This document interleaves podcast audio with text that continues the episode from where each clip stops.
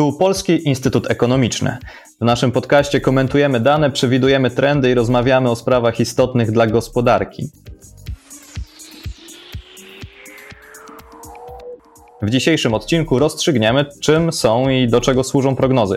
Czy ekonomiści potrafią przewidywać przyszłość? Rozmawiam z Marcinem Klucznikiem, analitykiem zespołu makroekonomii w Polskim Instytucie Ekonomicznym. Ja nazywam się Maciej Miniszewski i zachęcam do wysłuchania odcinka. Marcinie, od razu tak na początek, ogólnie dla wyjaśnienia definicyjnie, czym jest prognoza. To jest bardzo ciekawe pytanie, w szczególności, że odpowiedź na nie wcale nie jest taka oczywista. Ekonomiści robią prognozy tak naprawdę z dwóch powodów. Po pierwsze, dlatego, że chcemy wiedzieć, jak będą wyglądały przyszłe dane w gospodarce, ale po drugie, także dlatego, że chcemy tworzyć tak zwane scenariusze, znaczy sposób, w jaki myślimy o przyszłości.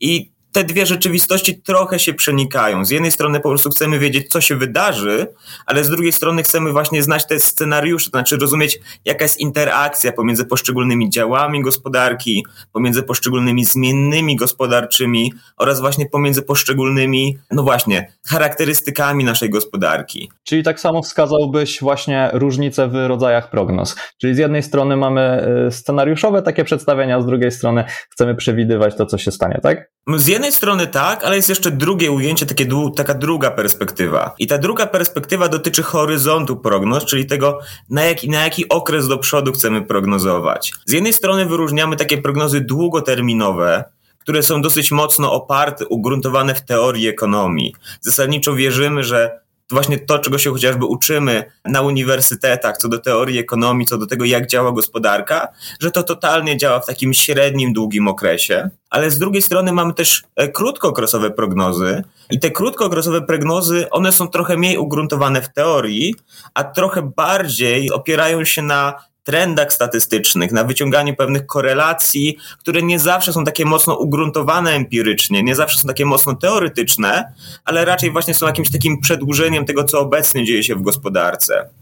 I bardzo szczególnym przykładem takiej krótkookresowej prognozy są tak zwane nowcasty. Nowcast to jest taka sytuacja, w której prognozujemy dane w gospodarce, które już się wydarzyły, ale jeszcze nie zostały policzone i oficjalnie opublikowane. E, bardzo prosty przykład. Nagrywamy na początku stycznia 2023 roku. Wszystko, co wydarzyło się w poprzednim roku, na przykład w grudniu zeszłego roku, to już się wydarzyło. Na przykład jakaś produkcja przemysłowa, która miała miejsce w grudniu zeszłego roku.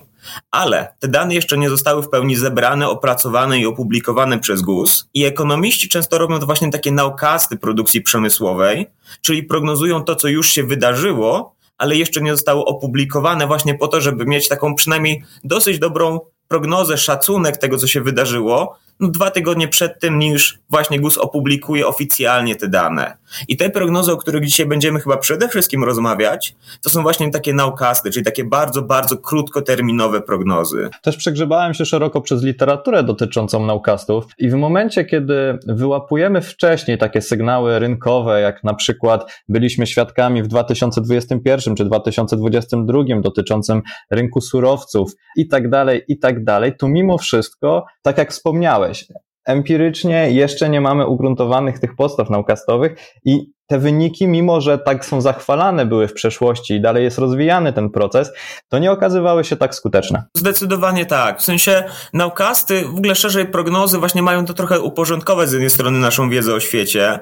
Takim dodatkowym plusem naukastów jest na pewno też to, że one pozwalają nam e, przynajmniej trochę głębiej wejść w ogóle w dane, znaczy stwarzają w ogóle taką okazję do tego, żeby zastanowić się trochę głębiej nad tym, co się dzieje w gospodarce. Też sprawiają, że no właśnie, wiemy coś, niekoniecznie idealnie, ale jednak coś, na przykład dwa tygodnie, trzy tygodnie przed tym, niż te dane zostaną oficjalnie opublikowane. To też na przykład działa w przypadku inflacji dosyć szczególnie. Na przykład część danych o inflacji tak naprawdę jest już dostępna właśnie na koniec miesiąca, w sytuacji, w której one jeszcze nie są opublikowane chociażby przez GUS. Na przykład dzisiaj czekamy jeszcze na dane, na szybki szacunek GUS-u co do inflacji za grudzień 2022 roku, ale część tego wzrostu, jak chociażby wzrost cen paliw, energii czy żywności możemy uzyskać z innych źródeł. Na przykład z cen na rynku hurtowym, możemy je skrapować z internetu, możemy patrzeć na to, co działo się w sklepach. To są bardzo nieidealne narzędzia, ale nawet nieidealne narzędzia są oczywiście lepsze od żadnych. I tutaj troszeczkę o problematyce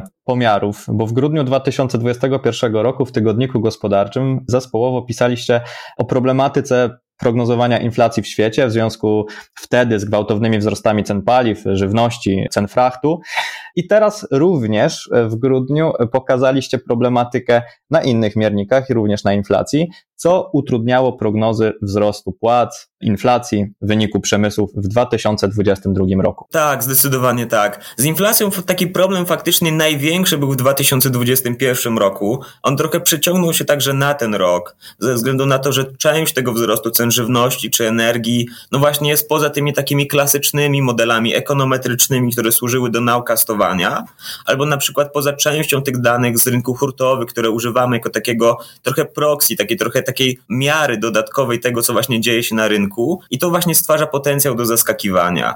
Ten potencjał do zaskakiwania na inflacji w tym roku widzieliśmy kilka razy. O ile ekonomiści fundamentalnie trochę przewidywali dosyć dobrze ten, to właśnie tę dynamikę inflacji, o tyle zostali zaskoczeni w trzech momentach. Pierwszy moment to było bezpośrednio po wybuchu wojny w Ukrainie, kiedy wszyscy prognozowaliśmy, że inflacja wzrośnie, ale zaskoczyła nas skala tego wzrostu, przede wszystkim co do właśnie cen żywności czy energii, więc mieliśmy rację co do tego, w którym kierunku pójdzie inflacja, ale trochę źle oszacowaliśmy skalę tego wzrostu. E, drugi taki błąd miał miejsce w wakacje, kiedy prognozowaliśmy szeroko jako konsensus ekonomistów, e, wyhamowanie inflacji, taką stabilizację, e, to było często nazywane płaskowyżem. W praktyce okazało się, że inflacja wtedy się nie zatrzymała. I takie trzecie, ostatnie zaskoczenie przyszło w listopadzie, kiedy znowu oczekiwaliśmy właśnie takiego płaskowyżu inflacyjnego, tego zerowego wzrostu inflacji, czyli tego, że inflacja zostanie taka sama, jak była w październiku, a ona zaskoczyła nas pozytywnie i spadła. Innym przykładem są właśnie wynagrodzenia. Tutaj chyba było najwięcej zaskoczeń w tym roku. Właśnie z tego powodu, że ta część wynagrodzeń, która nas zaskakiwała, to często były na przykład premie, które są dosyć arbitralnie, co do miesiąca oczywiście,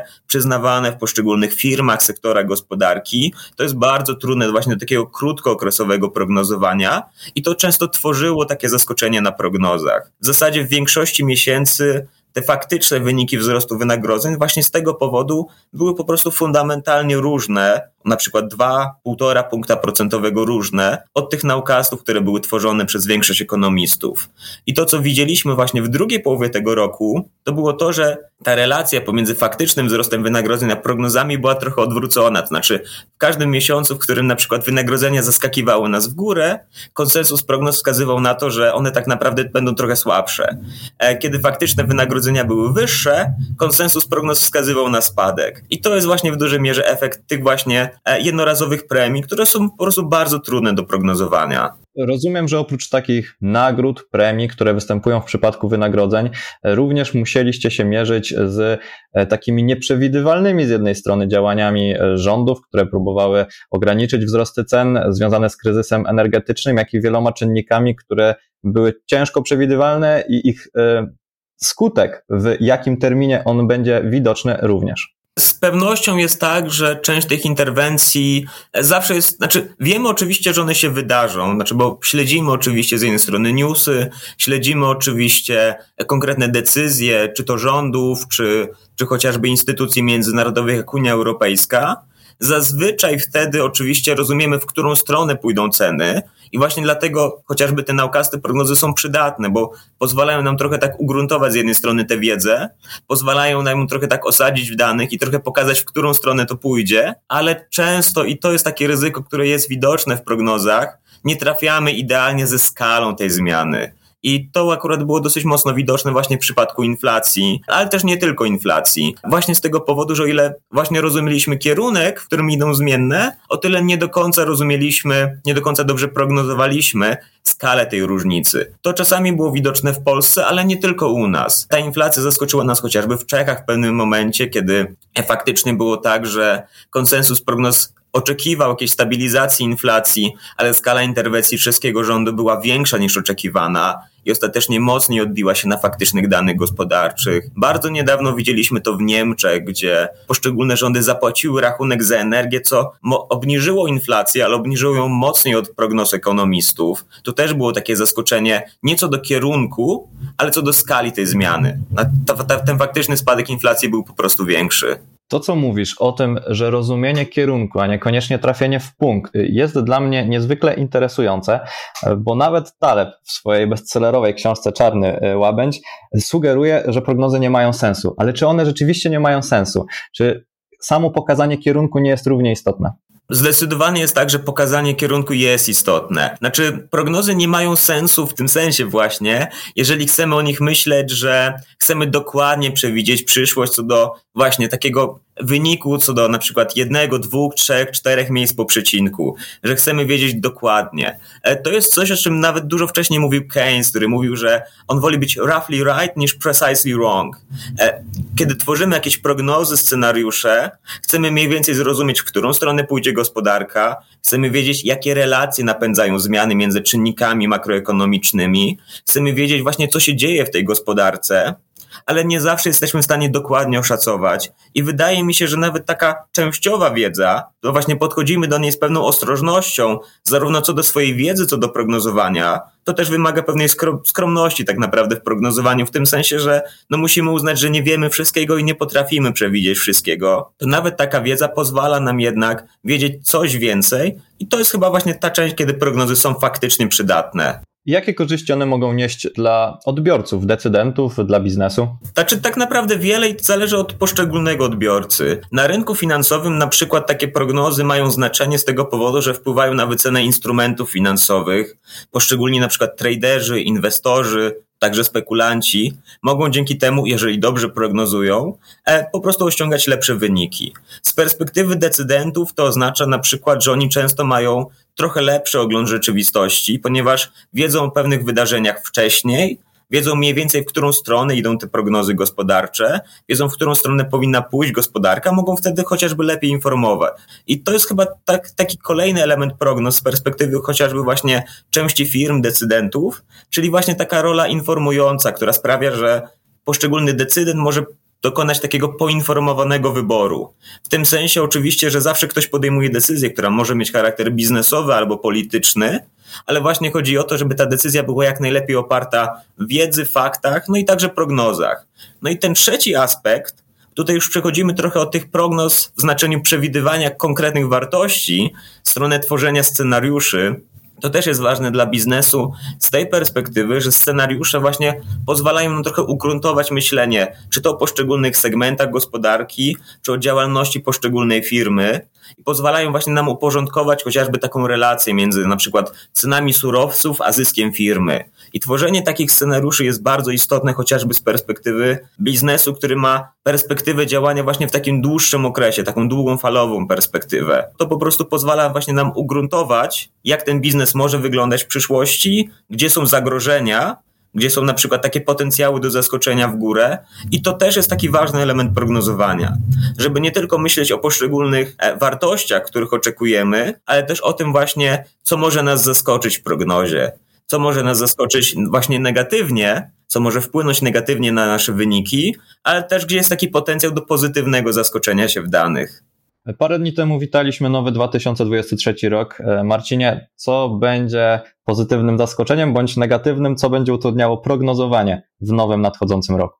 Z pewnością jest tak, że to, co czeka nas w tym roku, no to przede wszystkim takie obniżenie inflacji. To będzie chyba takie główne wydarzenie makro polskiej perspektywie, gdzie oczekujemy, że ona teraz w styczniu, lutym prawdopodobnie wzrośnie w okolice 20%, być może przebije, ale następnie ta inflacja zacznie oczywiście no, systematycznie spadać. Pytanie i tutaj tak, też takie zagrożenie dla prognoz to jest skala tego spadku. Nasza główna prognoza wskazuje na to, że inflacja spadnie do jednocyfrowego poziomu na koniec tego roku i że to będzie około 8,7%, no ale oczywiście skala tego zróżnicowania tutaj jest bardzo duża.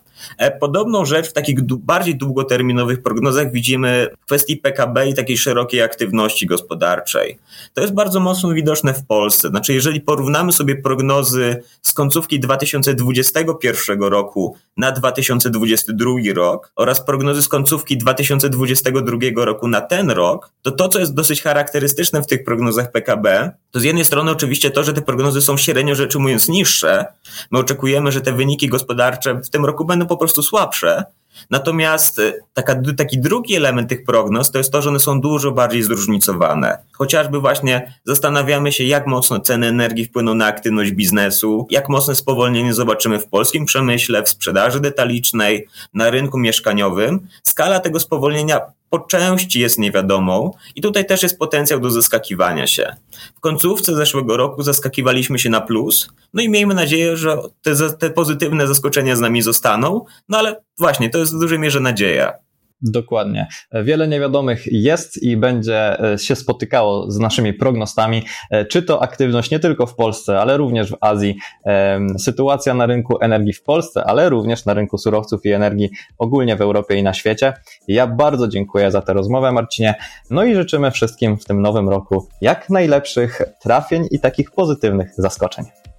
Zdecydowanie sam na nie liczę, ale dziękuję Macieju.